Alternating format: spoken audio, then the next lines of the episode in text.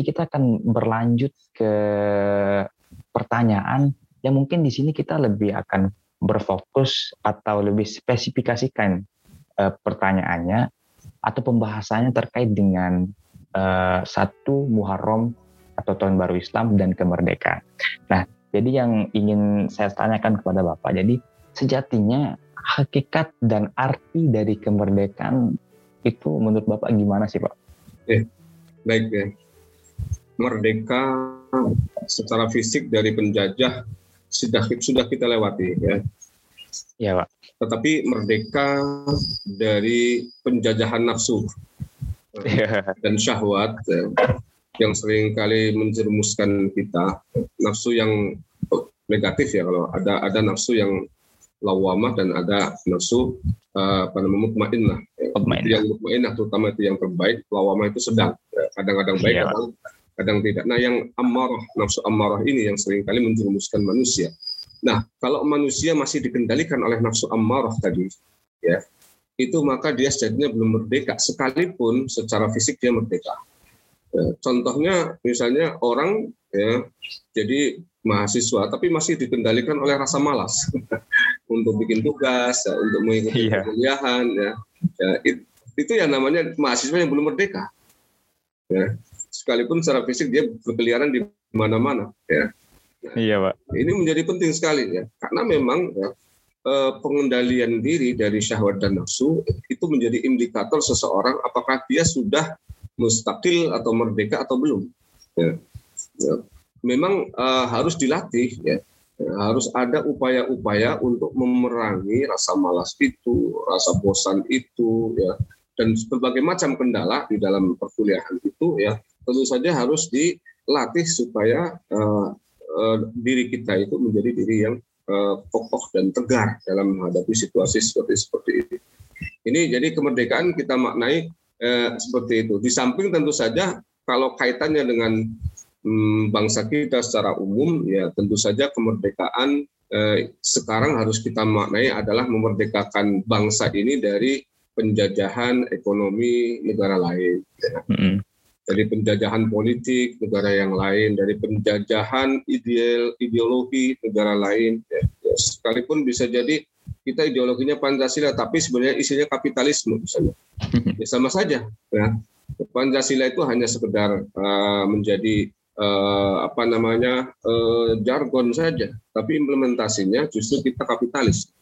Ya, ini uh, maknanya harus seperti itu, ya harus betul-betul dimerdekakan. Nah, untuk bisa mencapai itu ya kita harus menjadi bangsa yang mandiri, bangsa yang apa namanya uh, memiliki ke, apa namanya yang disebut sebagai kedaulatan, kedaulatan ekonomi, ya, kedaulatan politik, ya kedaulatan ya. ideologis ya dan lain sebagainya. Selagi itu masih belum dimiliki, maka kita akan dikontrol, dihegemoni oleh uh, negara lain. Dan ini maknanya Indonesia sebetulnya belum merdeka, walaupun secara fisik kita sudah uh, keluar dari penjajahan uh, apa namanya masa lalu ya.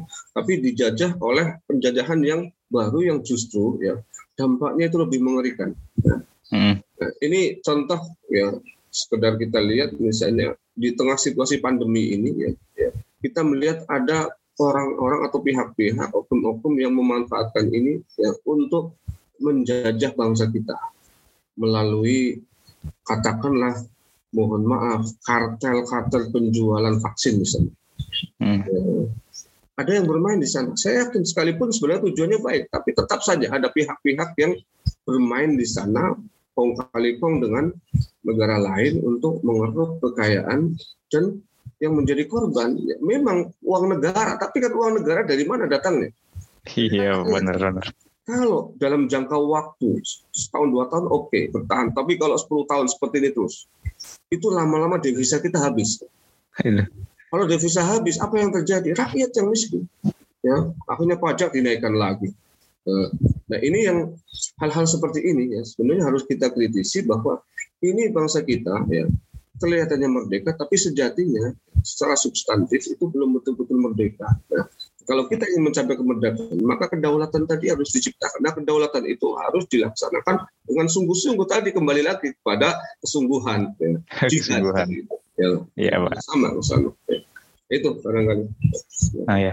Uh, jadi tadi bagaimana uh, kita uh, harus tetap mempertahankan uh, kemerdekaan yang uh, yang hakiki. Ya, yang di mana ketika kita sudah merdeka secara literally bangsa Indonesia merdeka dengan uh, kita lihat secara fisik, namun uh, bagaimana kita bisa mempertahankan kemerdekaan secara substansif tadi seperti yang dijelaskan oleh Bapak Taufik Rohman. Nah, jadi uh, tadi ter terkait dengan hakikat kemerdekaan, uh, sekarang uh, bagaimana seharusnya Pak kita bisa memaknai dari tahun baru Islam sendiri, Pak? Ya, baik ya.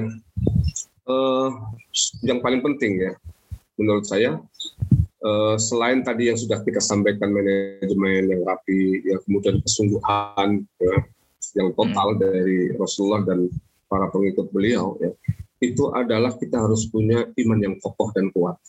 Ya, iman itu menjadi kunci.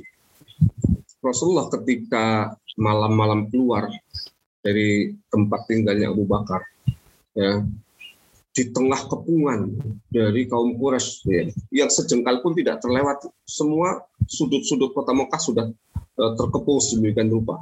Tapi Rasulullah berani keluar dengan Abu Bakar. Apa rahasia itu? Rahasia di balik keberanian Rasulullah. Karena beliau yakin kepada Allah. Beliau yakin bahwa ketika ini perintah Allah, pasti Allah akan bertanggung jawab. Pasti Allah akan melindungi. Iya, Pak. Nah ini menjadi penting ya. Eh, di tengah situasi yang sulit ini banyak orang yang kehilangan ini, ya, kehilangan keimanan kepada Allah. Ya. Jadi ucapannya saya iman kepada Allah, tapi perilakunya tidak mencerminkan itu. Ya, banyak orang yang sekarang ini mohon maaf terkesan lebih takut kepada COVID-19 dibandingkan dengan pencipta dari COVID itu. Iya benar-benar. Ya, dia lakukan segala macam cara untuk melindungi dirinya dari COVID, tapi dia sendiri lupa kepada yang menciptakan dirinya. Sholat kata pernah, ngaji juga apalagi, ya, uh, zikir yang nggak pernah dilaksanakan. Ya. Dan ini kan sebenarnya sangat-sangat uh, apa namanya tidak produktif ya, kontraproduktif. Iya, ya. Jadi tidak bisa ya pandemi ini kesulitan-kesulitan apa pun yang sejenis ya itu diselesaikan hanya dengan upaya-upaya manusiawi. Ya. Harus ada upaya-upaya ya spiritual, upaya-upaya ya, yang bersifat uh, transenden ya secara vertikal kepada Allah Subhanahu wa taala dan itu yang akan menjadi uh, solusi bagi banyak hal. Karena apa? Dari iman itulah nanti ya manusia akan bersikap berperilaku ya keyakinan terhadap sesuatu itu akan berimplikasi ya akan direfleksikan dalam bentuk tingkah dan e, perilaku. Coba saja saya contohkan orang yang tidak berdaya hantu di satu tempat dia berani melewati itu. E, tapi kalau yang, yang percaya bahwa di situ ada hantu dia akan melewati jalur yang lain sekalipun jalur itu sulit dan jauh. Ini kenapa ya, ya, berlarut-larut seperti ini salah satunya adalah karena ya, bangsa kita sudah mulai ya, umat Islam juga salah satunya sudah mulai kehilangan keyakinan ya, ya, yang total kepada Allah Subhanahu wa taala. Sehingga ya sering kali solusi-solusinya solusi yang uh, sangat-sangat klinik ya.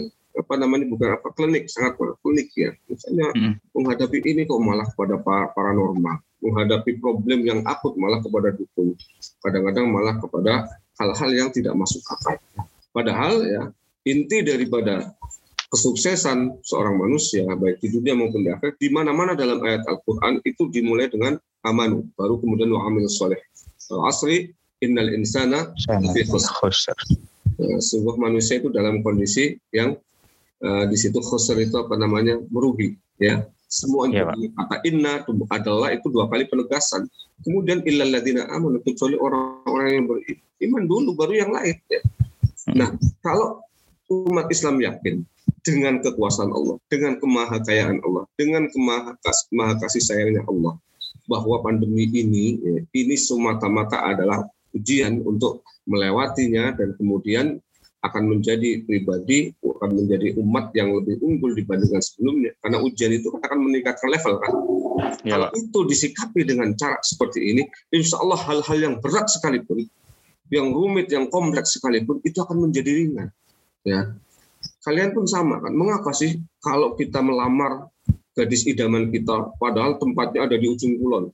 Ini ada kawan dosen yang istrinya ujung kulon, jauhnya luar biasa. Tapi kenapa terkesan dekat dan ringan? Karena ada motivasi. Motivasi itu sebenarnya iman itu loh. Ada dorongan yang sangat kuat sehingga sesuatu yang berat jauh itu menjadi ringan dan pendek jaraknya.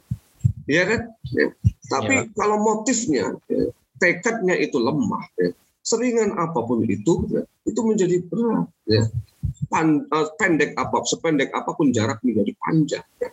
Nah, maka kunci ya menurut saya di samping tadi yang saya sampaikan kesungguhan upaya yang keras dan kemudian manajemen itu adalah iman yang kokoh dan kuat ya supaya apa supaya bangsa ini ya, umat ini bisa melewati apa pun ya yang di uh, yang terjadi apa pun yang sedang terjadi baik itu hal-hal berkaitan dengan diri kita keluarga kita masyarakat bahkan dunia secara global ya. hmm. saya senantiasa menyampaikan ya kebetulan saya ada kajian-kajian di beberapa tempat menyatakan bahwa silahkan dunia ini krisis semuanya, bukan hanya krisis keuangan, tapi krisis politik, ya, termasuk uh, krisis akhlak. Tapi Allah tidak pernah kena krisis itu.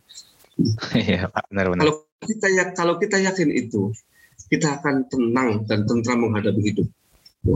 Nah sekarang ini memang perlu edukasi kepada masyarakat karena saya yakin mungkin di antara orang tua mahasiswa juga ada yang terdampak dan sudah mulai banyak yang, yang terdampak. Ini harus betul-betul para uh, cendekiawan, para ulama, para tokoh masyarakat itu masuk ya, masuk ke dalam relung hati mereka dan kemudian menyampaikan motivasi itu tugas kita. Nah nanti eh, eksekutornya adalah pemerintah yang punya uang, pengusaha yang punya uang, ya, orang-orang ya, yang punya kemampuan untuk mengelola dan menarik dana besar ya dan kemudian bersatu padu ya untuk menyelesaikan problem ini. Ya, mungkin itu ya. Nah. Oke siap. Uh, baik Bapak, terima kasih atas jawaban yang telah Bapak sampaikan kepada kami semua. Sungguh kami sangat puas sekali dengan jawaban yang Bapak sampaikan. Uh, mungkin kita kita tidak akan pernah dengar jawaban ini dari narasumber lain selain Bapak. Jadi mungkin uh, sekian dari kita Pak. Terima kasih banyak atas waktu Bapak. Sehat-sehat selalu Bapak Pak Topik Rahman. Assalamualaikum warahmatullahi wabarakatuh. Pak. Waalaikumsalam warahmatullahi wabarakatuh. Baik, jadi tadi kita telah uh, mendengar beberapa penyampaian dari uh, Pak Topik Rohman terkait dengan bagaimana di, keterkaitan antara satu Muharram, kemerdekaan dan dinamika mahasiswa PTK Jakarta. Dan uh, bagaimana khususnya kita memahami nilai-nilai yang terkandung pada eh, hakikat dari kemerdekaan dan makna tahun baru Islam sendiri. Nah, jadi eh, kesimpulan yang dapat kita cerna atau dapati dari penjelasan Pak Topik terkait dengan eh, tema kita tadi itu dengan dengan hijrah dan semangat Muharram diperlukan manajemen diri bagi mahasiswa untuk berbagai waktu. Tidak hanya fokus di satu hal, tapi dalam segala hal agar agar tercipta kolaborasi yang produktif untuk kemajuan studi dan dapat sukses dalam menghadapi tantangan di era digitalisasi ini. Uh, mungkin hanya itu yang dapat kami berikan atau sampaikan kepada para pendengar. Saya atas nama Adrian Gilang Maulana izin signing out. Assalamualaikum warahmatullahi wabarakatuh.